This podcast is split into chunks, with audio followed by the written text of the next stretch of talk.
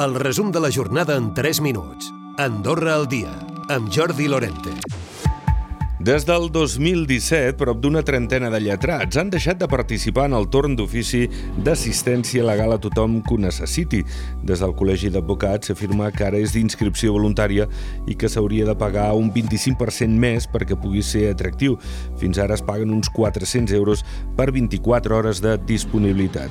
Sònia Beixenc és degana del Col·legi d'Advocats. Vam calcular per cada un dels tipus i cada un dels procediments doncs, l'assistència a tribunal de cosa per, per judicis majors, per menors, hi ha una quantitat fixa, però ara no recordo, però bueno, com a mínim era un augment d'entre 25-30% mínim.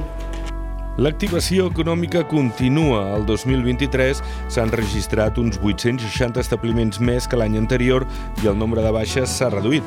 El comerç és present i també es nota l'increment del coworking. El registre de comerços continua augmentant. De fet, l'any passat va ser més de 7 punts superior al del 2022, amb 12.345 establiments. Tot plegat una tendència de creixement activa des del 2013. La directora de la Cambra de Comerç, Indústria i Serveis és Sol Rossell.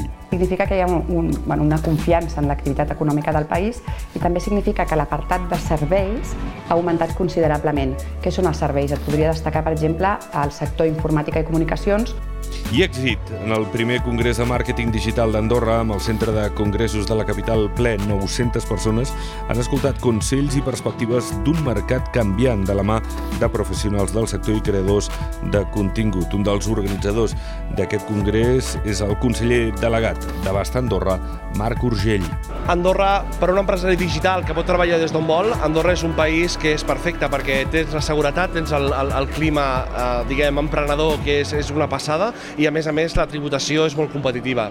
La policia va detenir aquest divendres el conductor d'un dels dos turismes implicats en un accident a l'altura del número 31 del carrer Poblador, a Santa Coloma. L'home de 58 anys va donar positiu a la prova d'alcoholèmia amb una taxa de 2,59. Ha passat a disposició judicial aquest dissabte al migdia i la mezzo-soprano Joyce Di Donato ha estat l'encarregada d'obrir la segona edició del Classicant. Ho ha fet a l'Auditori Nacional. Aquest era el punt inicial d'una segona edició que tindrà un dels seus plats forts en l'actuació de les germanes, les pianistes Cati i Mariel Labec. D'altra banda, també Passió Vega, als Jardins de Ràdio Andorra, serà un dels concerts més esperats. Com a novetat, una de les funcions en format més íntim es farà a la Sala dels Passos Perduts de Casa de la Vall, a càrrec del barítom Benjamí Apple, i hi haurà també una actuació benèfica del Petit Liceu per als més petits. El pressupost per enguany es manté als 900.000 euros. Recupera el resum de la jornada cada dia a AndorraDifusió.d i a les plataformes de podcast.